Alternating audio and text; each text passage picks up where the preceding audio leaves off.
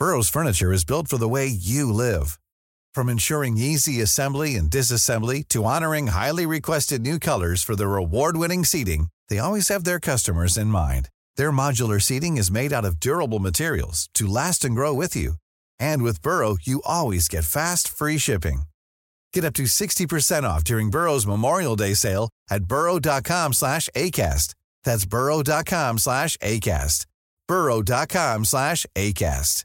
Mom deserves the best, and there's no better place to shop for Mother's Day than Whole Foods Market. They're your destination for unbeatable savings, from premium gifts to show-stopping flowers and irresistible desserts. Start by saving 33% with Prime on all body care and candles. Then get a 15-stem bunch of tulips for just $9.99 each with Prime. Round out Mom's menu with festive rosé, irresistible berry chantilly cake, and more special treats. Come celebrate Mother's Day at Whole Foods Market. Hiring for your small business? If you're not looking for professionals on LinkedIn, you're looking in the wrong place. That's like looking for your car keys in a fish tank. LinkedIn helps you hire professionals you can't find anywhere else, even those who aren't actively searching for a new job but might be open to the perfect role. In a given month, over 70% of LinkedIn users don't even visit other leading job sites. So start looking in the right place. With LinkedIn, you can hire professionals like a professional. Post your free job on linkedin.com slash people today.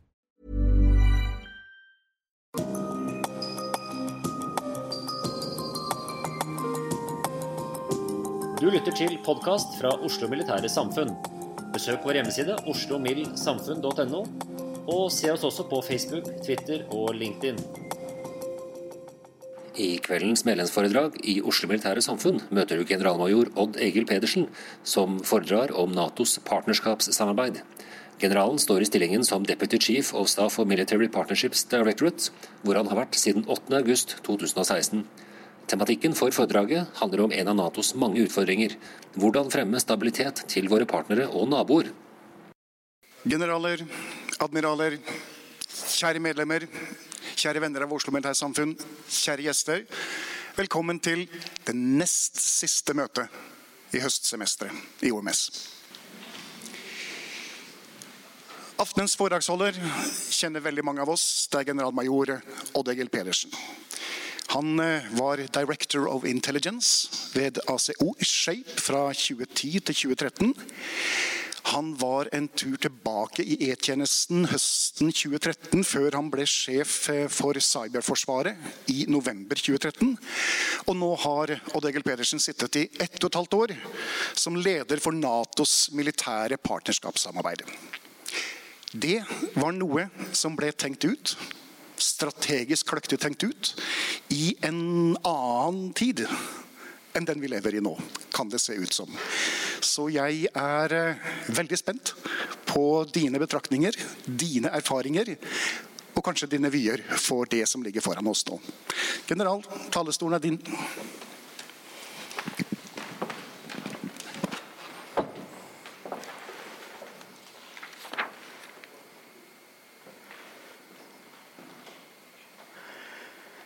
Generaler, admiraler, mine damer og herrer, gode kolleger. Tusen takk for at jeg fikk lov til å komme igjen. Ehm, I kveld skal det dreie seg om Natos eh, partnerskapsarbeid. Jeg brygger på en forkjølelse, så jeg håper at eh, stemmen skal holde hele kvelden. For tiden er jeg norsk sjef for Military Partnership Directorate. Vi er en organisatorisk del av både Allied Command Operation og Allied Command Transformation. Vi har kontorer ved Shape i Belgia og i ACT i Norfolk, USA. Medarbeidere jeg har med meg til daglig, er mestersersjant Geir Odd Romsås. Han er egentlig oberstløytnant, men hadde veldig lyst til å være med på arbeidet med partnere og meldte seg frivillig. Jeg har også korporal SD Maillet.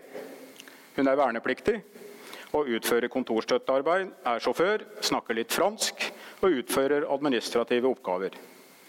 Disse to holder orden på meg. I tillegg i kveld har jeg med meg min senior enlisted leader, chief warrant officer Martin Cartier, fra den canadiske hæren. Det er også to andre nordmenn som dere ser, som er involvert i dette arbeidet. Oberstløytnant Tommy Hirsti leder arbeidet med evaluering og sertifisering av partnerlandenes styrker. Og oberstløytnant Tore Beid arbeider med partnerskap i landkommandoen i Ismir. Foredraget er delt i fire deler. Innledningsvis skal jeg kort kommentere arbeidet med Natos kommandostruktur. Jeg vet det er veldig interessant for mange. Deretter en oppdatering av Natos operasjoner og aktiviteter, fordi dette berører partnerskap. Så en orientering om hvordan Nato driver arbeidet med partnerskap. Og til slutt noen ord om fremtiden og begrepet 'projecting stability', eller stabilitetsfremme. Jeg håper på en spørsmålsrunde etterpå, og tar gjerne med meg gode råd tilbake til eh, Nato og det arbeidet vi driver. Dette er Allied Command Operations kommandostruktur. Den er sikkert godt kjent for dere. Men hva er de strategiske forutsetningene for hvorfor vi har akkurat denne strukturen? Etter Sakørs mening så er denne strukturen basert på fire forutsetninger. 1. Russland skal være en strategisk partner. 2. Alliansen vil få måneders varslingstid før et konvensjonelt angrep. 3. En krise i eller rundt Europa vil være liten i intensitet, utvikle seg sakte og vil ikke bli påvirket av en stormaktsmanipulasjon av informasjonsdomenet. Og fire, et stabilt, stabilt, sikkerhetspolitisk nettverk vil være etablert mot sør, med mange land fra Midtøsten og Afrika som sikkerhetsgarantister sammen med oss og flere andre organisasjoner mot terrorisme og andre sikkerhetsutfordringer. Dagens situasjon er jo ikke slik. Russland er en strategisk konkurrent, ikke en partner. Konvensjonelle angrep kan i dag måles i dager, ikke i måneder. En stormakt manipulerer medier, organisasjoner og politiske valg. Det er svært få stabile regjeringer og støttespillere til sikkerhet i Afrika og Midtøsten. Sikkerhetsnettverket mot sør er ikke intakt. Dette gjør dem men også oss sårbare for terrorisme og andre utfordringer i et omfang som ikke var mulig å forutse når man lagde denne strukturen. Kontrasten mellom disse to forutsetningene er klar og tydelig, og får direkte implikasjoner for hvordan vi former kommandostrukturen. Forslagene til endringer er sentrert mot å støtte alle allierte hele tiden på alle Natos tre kjerneoppdrag i en kontekst som reflekterer vårt århundrets strategiske utfordringer.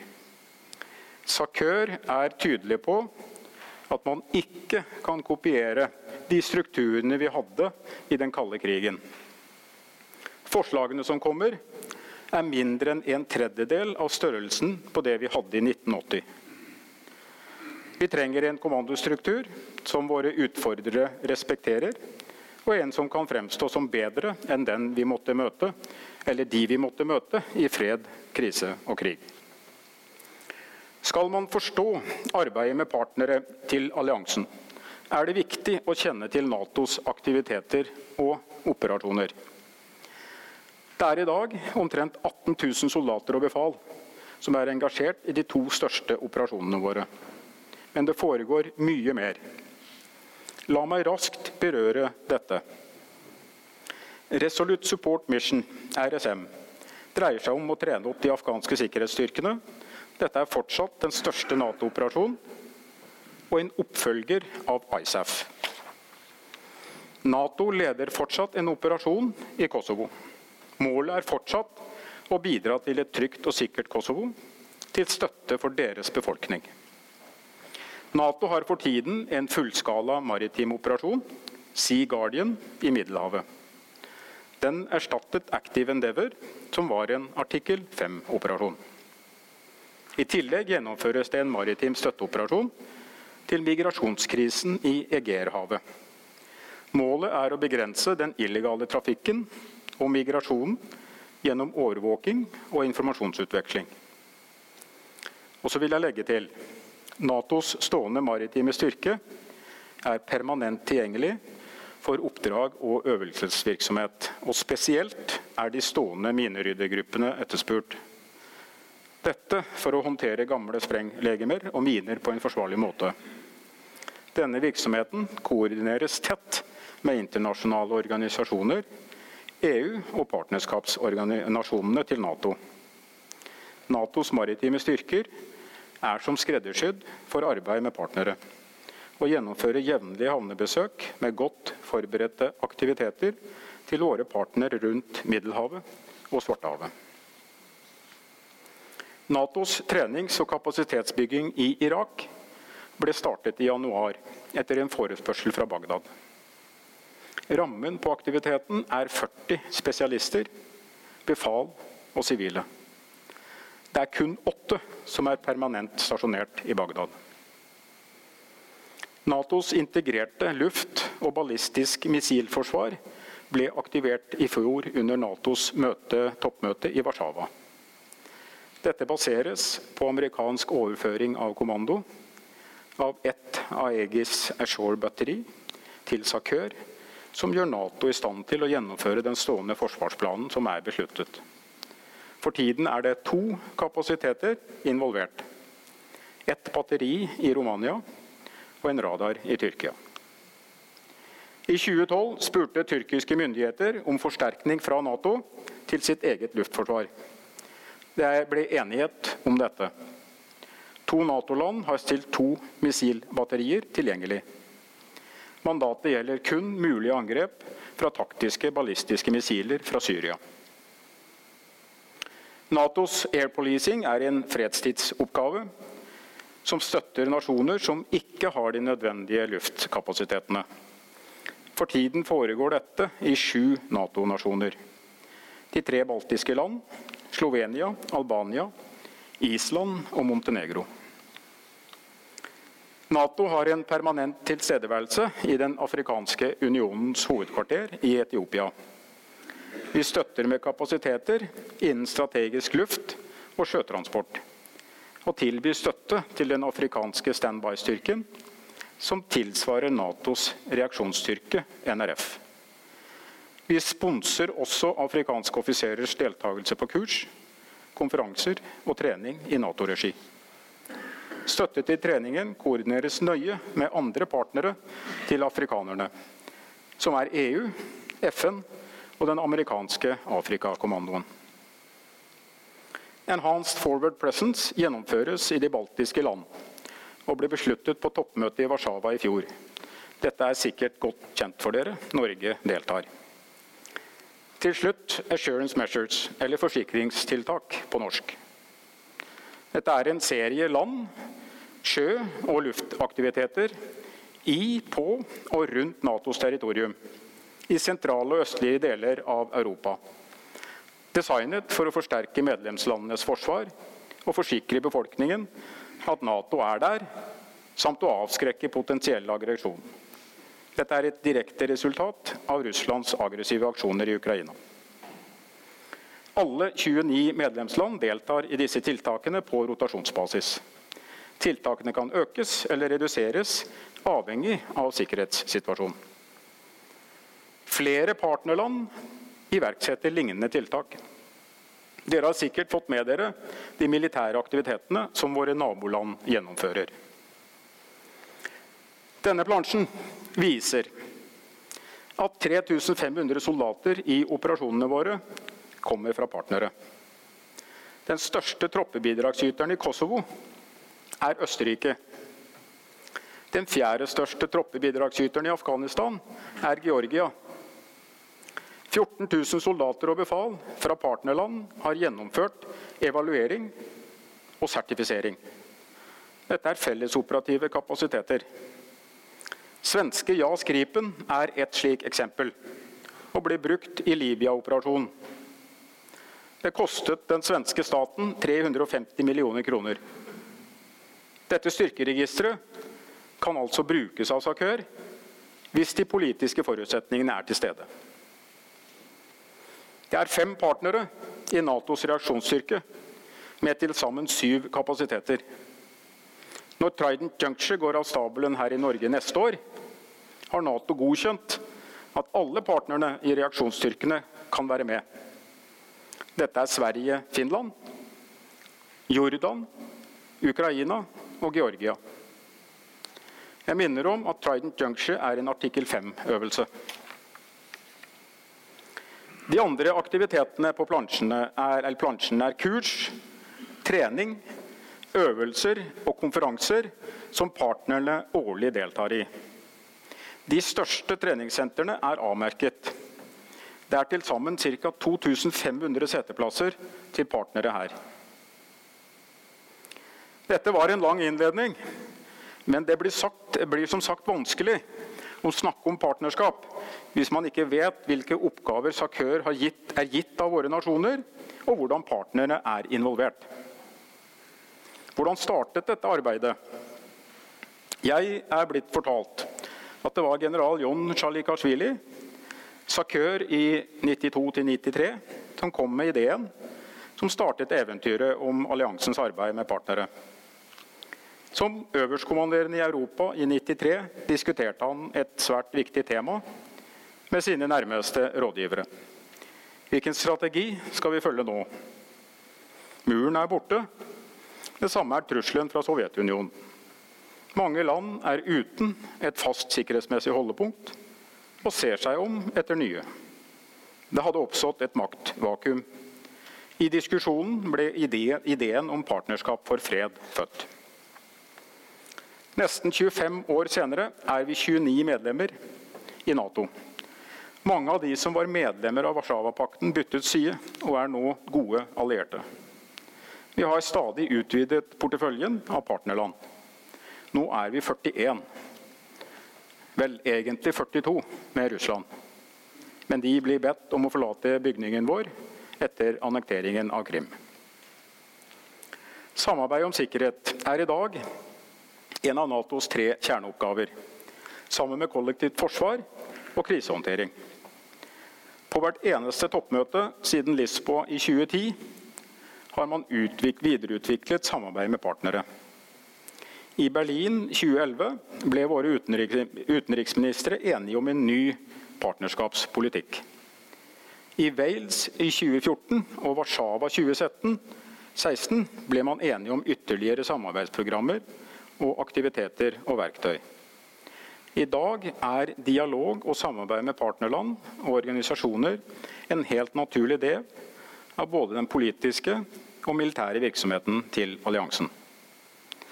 De overordnede målsettingene med samarbeid om sikkerhet kan ses på denne plansjen.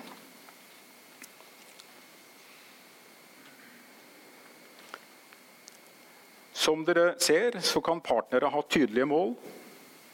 Noen vil bli medlemmer. Andre vil delta i operasjoner fordi de sympatiserer med vår sak. Noen vil utvikle sitt eget forsvar og bruker Nato som en ledestjerne. Atter andre er kun opptatt av å bygge tillit. Våre ledere har valgt å organisere partnerne geografisk. Her ser dere de 21 nasjonene som er del av Partnerskap for fred. Nå står det 22 på plansjen, men dere vet jo at Montenegro ble medlem nylig. Dette er Natos største program og ble startet i 1994. Dette er et praktisk bilateralt program og ble, eh, og mellom individuelle partnerskapsland og Nato. Det er designet slik at partneren selv kan prioritere type aktiviteter. Og på den måten bygge en individuell relasjon med alliansen. Siden 1994 har altså 13 tidligere land av PFP blitt medlemmer av Nato. Det er noen partnere som Nato har utviklet et spesielt forhold til. De tre nasjonene er Georgia, Ukraina og Russland. Nato har bestemt at disse skal få særlig oppmerksomhet. F.eks. gjennomføres det møter i spesielle formater. Og ved å tilby aktiviteter som er utenfor Partnership for Peace-formatet. Den russiske intervensjonen i Ukraina gjorde at Russland ble suspendert. Det er fortsatt åpne kommunikasjonskanaler på det politiske nivå. Det som kanskje er mindre kjent, er at det også nylig har vært gjennomført møter på militær side. Aserbajdsjan, som er en god partner for oss, har lagt forholdene til rette for militære møter med Gerasimov i Baku. Formannen i militærkomiteen, general Pavel, har gjennomført ett møte, og det planlegges et nytt nå med Sakør. Dere er sikkert kjent med at Nato har kontorer i både Kiev og Tiblisi. Nato har et stort engasjement med disse to landene, med flere hundre aktiviteter hvert år. I rødt ser dere avmerket de syv land som er med i programmet Middelhavsdialogen. Dette programmet startet også opp i 1994 og reflekterer alliansens syn på at sikkerhet i Europa er direkte knyttet til Middelhavet.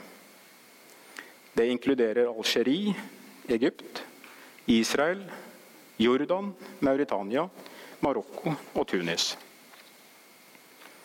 Samarbeidsinitiativet fra Istanbul ble startet i 2004. Programmet fokuserer på de nasjonene som er med i Gulf Cooperation Council, men kan bli utvidet i fremtiden. Seks land er invitert, men bare fire deltar.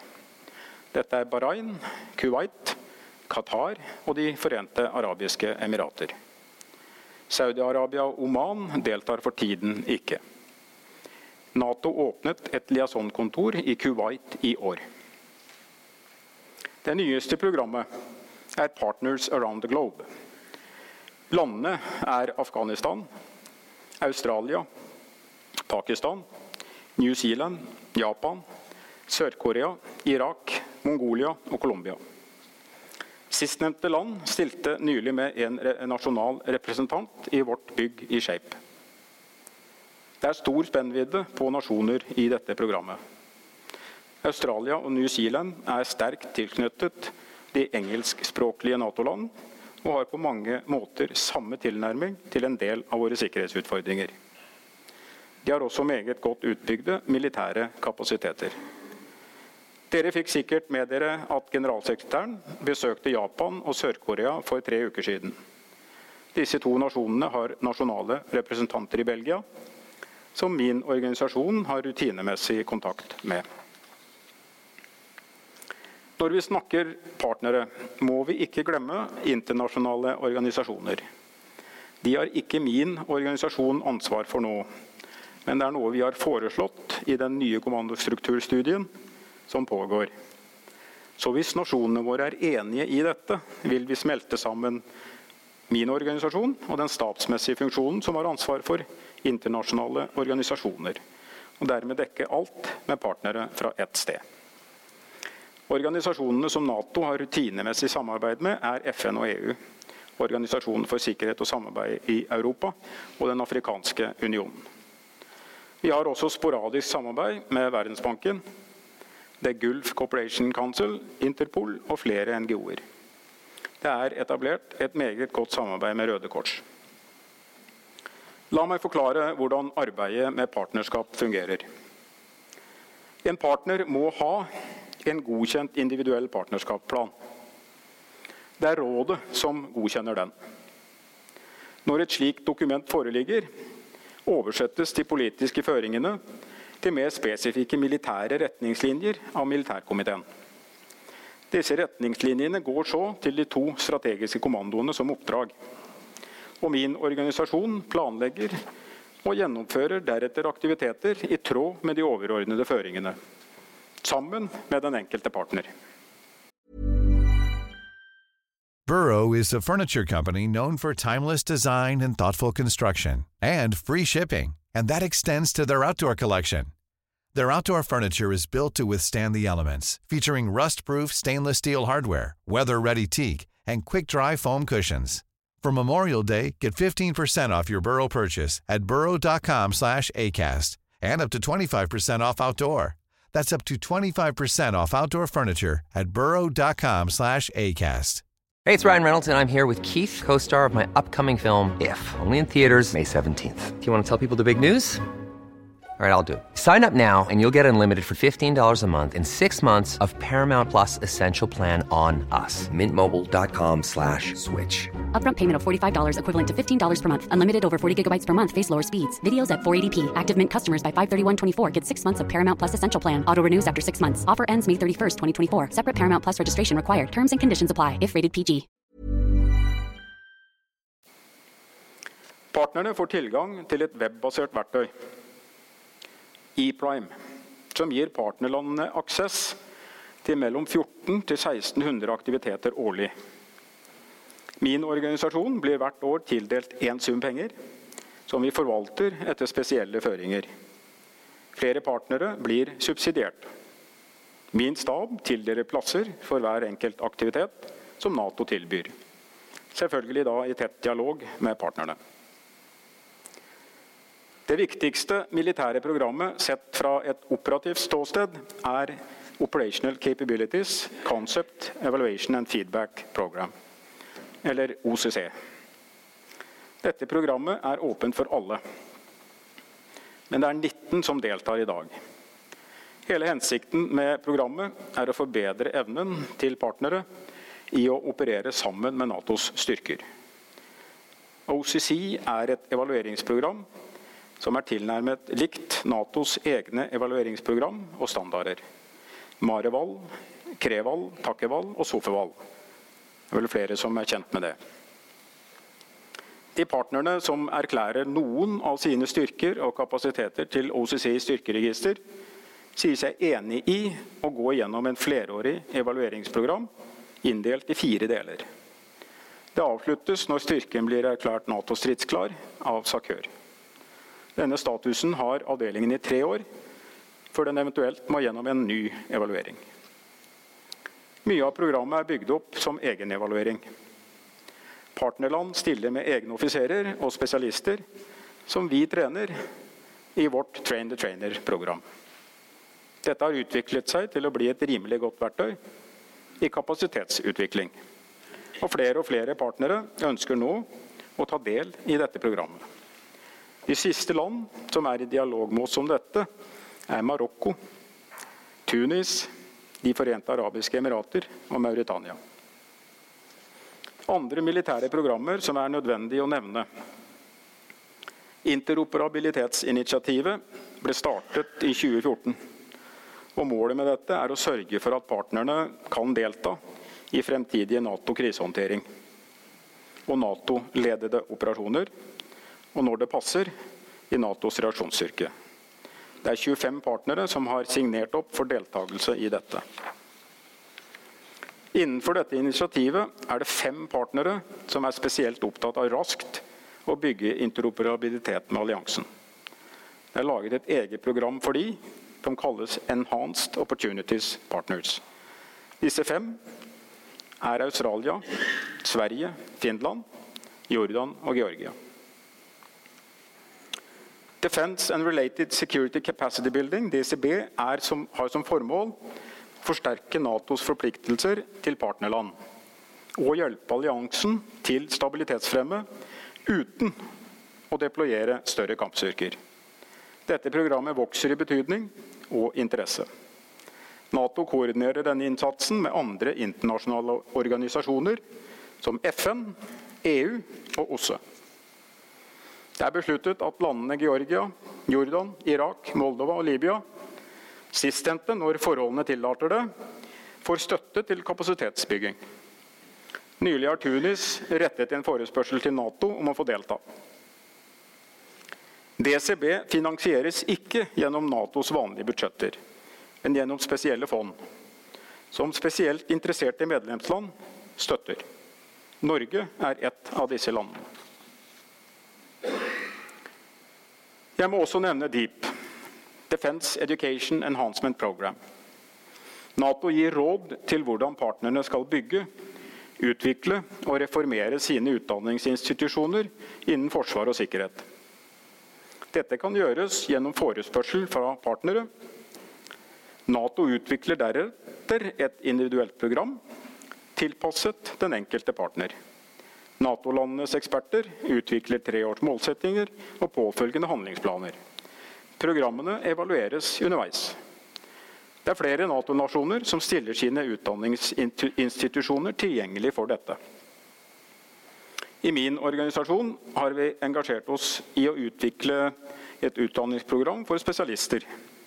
Chief Foreign Officer Martin Carter fra Canada er ansvarlig for å yte støtte til partnere som vil bygge mer kvalitet i sitt spesialistkorps. Han kan svare på spørsmål fra dere hvis det skulle være interessant. Vi mener DEEP vil ha en langsiktig effekt på disse landenes militære utdanningssystemer. Det har også vist seg å ha en positiv ringvirkning for andre partnerprogrammer som nevnte kapasitetsbygging. Men også det programmet som kalles Defense Institution Building. Jeg må nevne at mange partnere har nasjonale militære representanter i SHAPE. De holder til side om side med min organisasjon på samme måte som vår egen forsvarssjef har en nasjonal representant hos SAKØR, så har også de fleste partnerland det. Det gir oss mulighet for raskt og direkte koordinering med partnerlandenes militære ledelse. Nå har jeg berørt noen av de programmene som er mest populære. Denne plansjen viser flere. Det aller meste vedrørende partnerskapsarbeid ledes direkte av den internasjonale staben i Brussel. Min organisasjon har stort sett ansvar for støtte til operasjoner, styrkegenerering, trening, utdanning, øvelser og evaluering. Men vi støtter den sivile staben militærfaglig på mange av deres aktiviteter. Totalt har Nato 36 godkjente større og mindre program som er åpne for partnerdeltakelse. Alle så nær som to er ledet av den internasjonale staben. Denne plansjen viser at Nato allerede er involvert i enkelte aktiviteter som jeg vil definere som stabilitetsfremme. Nato er mer sikkert hvis våre naboer er stabile, sier Natos generalsekretær. Denne plansjen ble presentert på en morgenbrief til SAKØR i januar i år. Det kan være litt mange detaljer eh, å se eh, kanskje bakfra, men jeg håper det er mulig å få med seg det meste.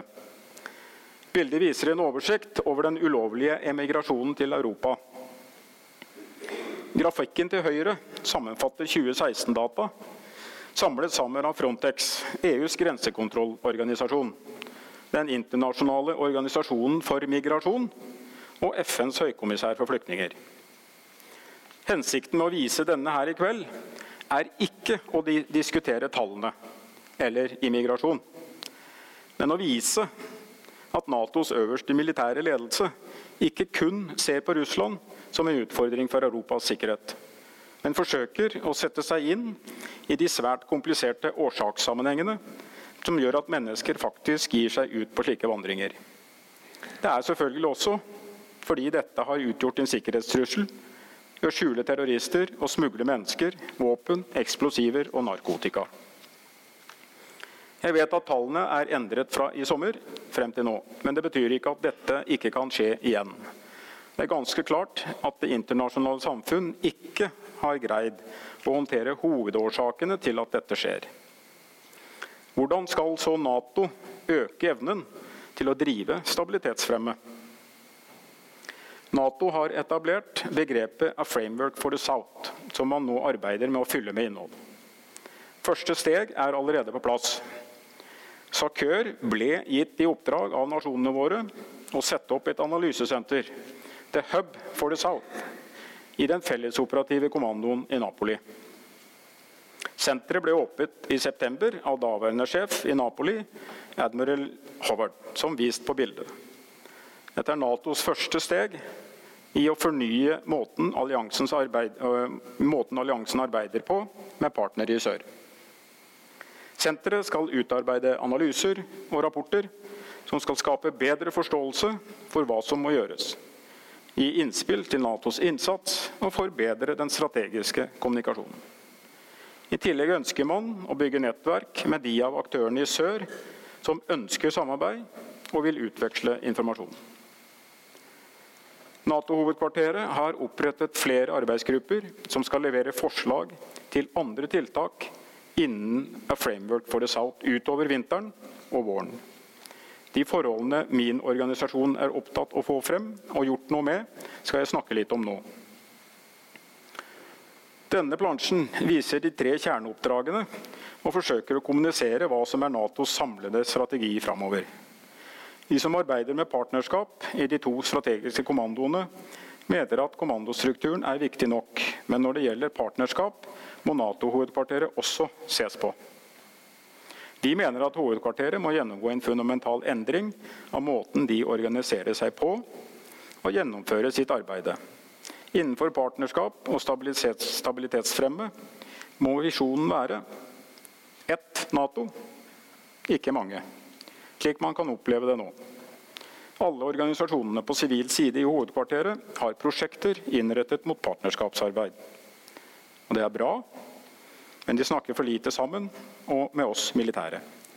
Så en partner vil ofte oppleve mange aktører fra Nato som representerer sin unike organisasjon. Men ingen overordnet kampanjeplan med klare målsettinger som synkroniserer både de mange sivile og militære aktivitetene. Det virker på oss at det er antall aktiviteter og program som er viktig, ikke målrettet innsats som skal bidra til en klar effekt. Den sivile staben er også altfor ofte direkte involvert i arbeidet med partnere selv. De burde vært premissgivere, lage politiske strategier, målsettinger, identifisere ressurser og følge opp at målene blir nådd. Dette er i bevegelse, og det er godvilje til stede både på sivil og militær side. Aktiviteten vi gjennomfører i dag, må ressurssettes skikkelig.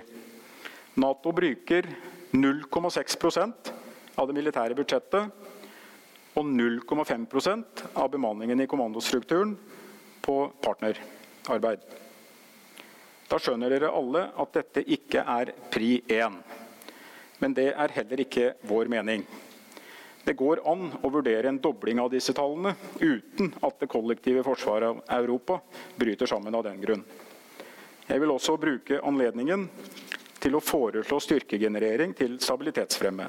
Ikke bare til operasjonene våre. Min organisasjon har en bemanning på 63% av det nasjonene opprinnelig har vedtatt. Det er krevende. I dag genererer vi mobile treningsteam fra Natos kommandostruktur, eller fra våre mange Center of Excellence. De gjør en meget god innsats, men skal stabilitetsfremme gjennomføres som strategi over tid, må en tilstrebe større utholdenhet og kvalitet. Dermed blir styrkegenerering naturlig. Natos styrkestruktur kan brukes som styrkebrønn. Og det kan utarbeides rulleringsplaner for Nato-nasjonene, lik måten vi håndterer air. Det bør også vurderes om ikke nasjonale hovedkvarter, fagskoler, bør involveres i slikt arbeid. Da får man større eierskap og interesse fra nasjonene. Våre medlemsland driver utstrakt bilateral virksomhet i de samme partnerland som mine folk reiser til og gjennomfører aktiviteter i dag. Når jeg var i Amman nylig, møtte jeg den amerikanske sentralkommandoens team på hotellet jeg lå på. Det var også franske, tyske og britiske team i aktivitet i landet. Alle Nato-land driver bilaterale aktiviteter. Jeg forventer ikke at nasjonene våre skal fortelle Nato alt de driver med. Men her er det noe å ta tak i. Når våre eksperter møter bilaterale eksperter på samme fagbelt i samme land på samme uke, forstår alle at det er et forbedringspotensial. Det er tydelig for meg at det initiativet som kan generere størst effekt for oss alle, både når det gjelder kollektivt forsvar og stabilitetsfremme, er tettere samarbeid med EU og Nato. Men det er jo et krevende politisk prosjekt. Disse to organisasjonene har helt klart felles strategiske interesser. Tettere samarbeid er for meg en vinn-vinn-situasjon. Organisasjonene kan spille på sine styrker og minimere sine svakheter. Nato er én proponent for det vi kaller hard power. EU har et mye bredere sett av kapasiteter. Kall det gjerne soft power. Gitt de utfordringene begge organisasjonene har, kan man enkelt argumentere at samarbeid ikke lenger er ønskelig, men nødvendig. Forholdet er kritisk viktig fordi disse to organisasjonene er fundamentale for europeisk og atlantisk sikkerhet. Og dette er egentlig ikke noe nytt. Vi samarbeider tett i en rekke utfordrende situasjoner. Noen eksempler. I Kosovo det er EU til stede med sin politiorganisasjon, Julex, for å støtte Kosovo Police. Skjer det noe, er det Kosovo Police som skal løse problemet. Greier ikke de det, så er det EU-politiet, Julex, som må trå til. Og Greier ikke de å roe gemyttene, vil KFOR være tredje responder. Her får man altså til en strategisk effekt gjennom samarbeid mellom tre forskjellige aktører. Landet selv, EU og Nato. Samarbeidet mellom Natos maritime kommando og EUs grenseorganisasjon i Egeerhavet, Frontex, er enda et eksempel på praktisk samarbeid, som blir til fordi man ser seg nødt til det der og da. Natos militære kapasiteter støtter her EUs grensekontroll. Men slik samarbeid som jeg her viser til, har frem til nå vært basert på tilfeldigheter og blitt gjort ut fra felles interesser, ikke nødvendigvis fordi organisasjonen på forhånd har definert felles målsettinger. Men det skjer ting. Felleserklæringer undertegnet av EU og Nato på toppmøtet i Warszawa i fjor, og forslagene til felles målsettinger på syv områder med 42, 42 tiltak representerer et positivt skifte i relasjonene mellom de to organisasjonene. I dag er det å rekke hånden ut til nasjoner og organisasjoner blitt en del av Natos identitet. Vi mener at dagens praksis i å samarbeide med partnere er nyttig for alle involverte, og bidrar til bedre sikkerhet i det internasjonale samfunn. Nato tilbyr mange muligheter for samarbeid i fleksible og spesielt tilrettelagte formater. Det er viktig å være klar over at hver enkelt partner selv bestemmer, sammen med Nato, hvor raskt ting skal skje.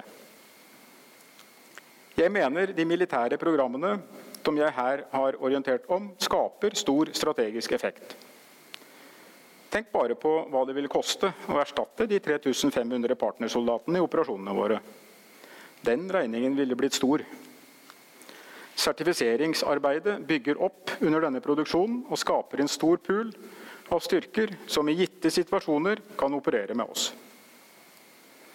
Det er vel ingen som tror at Nato kan rette opp de fundamentale utfordringene som finnes i Midtøsten og Afrika med militær innsats. Men vi må delta sammen med andre internasjonale aktører. Og jeg tror EU er bedre innrettet til samfunnsbygging enn det Nato er. En kombinasjon av innsats for flere, hvor EU og Nato sammen lager felles målsettinger, utnytter hverandres styrker, vil etter min mening være riktig løsning, men kanskje politisk umulig. Det kan synes som om ambisjonene til alliansen er svært høye innen stabilitetsfremme. Hvordan nasjonene stiller seg til dette, blir spennende å se. Det er forskjellige syn. Mitt råd vil være å konsolidere og forbedre det vi allerede har oppnådd, og ikke komme med nye ambisiøse prosjekter når vi ikke har fått ressurser til å håndtere det vi allerede arbeider med. Vi må se ambisjonsnivå på stabilitetsfremme i forhold til investeringsviljen. Et misforhold kan svekke alliansens troverdighet. Takk for oppmerksomheten.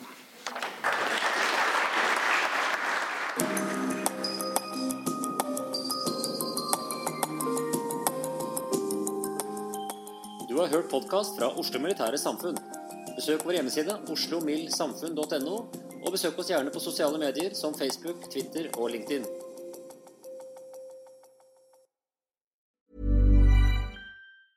Mom deserves the best, and there's no better place to shop for Mother's Day than Whole Foods Market. They're your destination for unbeatable savings, from premium gifts to show-stopping flowers and irresistible desserts. Start by saving 33% with Prime on all body care and candles. Then get a 15-stem bunch of tulips for just $9.99 each with Prime. Round out Mom's menu with festive rosé, irresistible berry chantilly cake, and more special treats. Come celebrate Mother's Day at Whole Foods Market.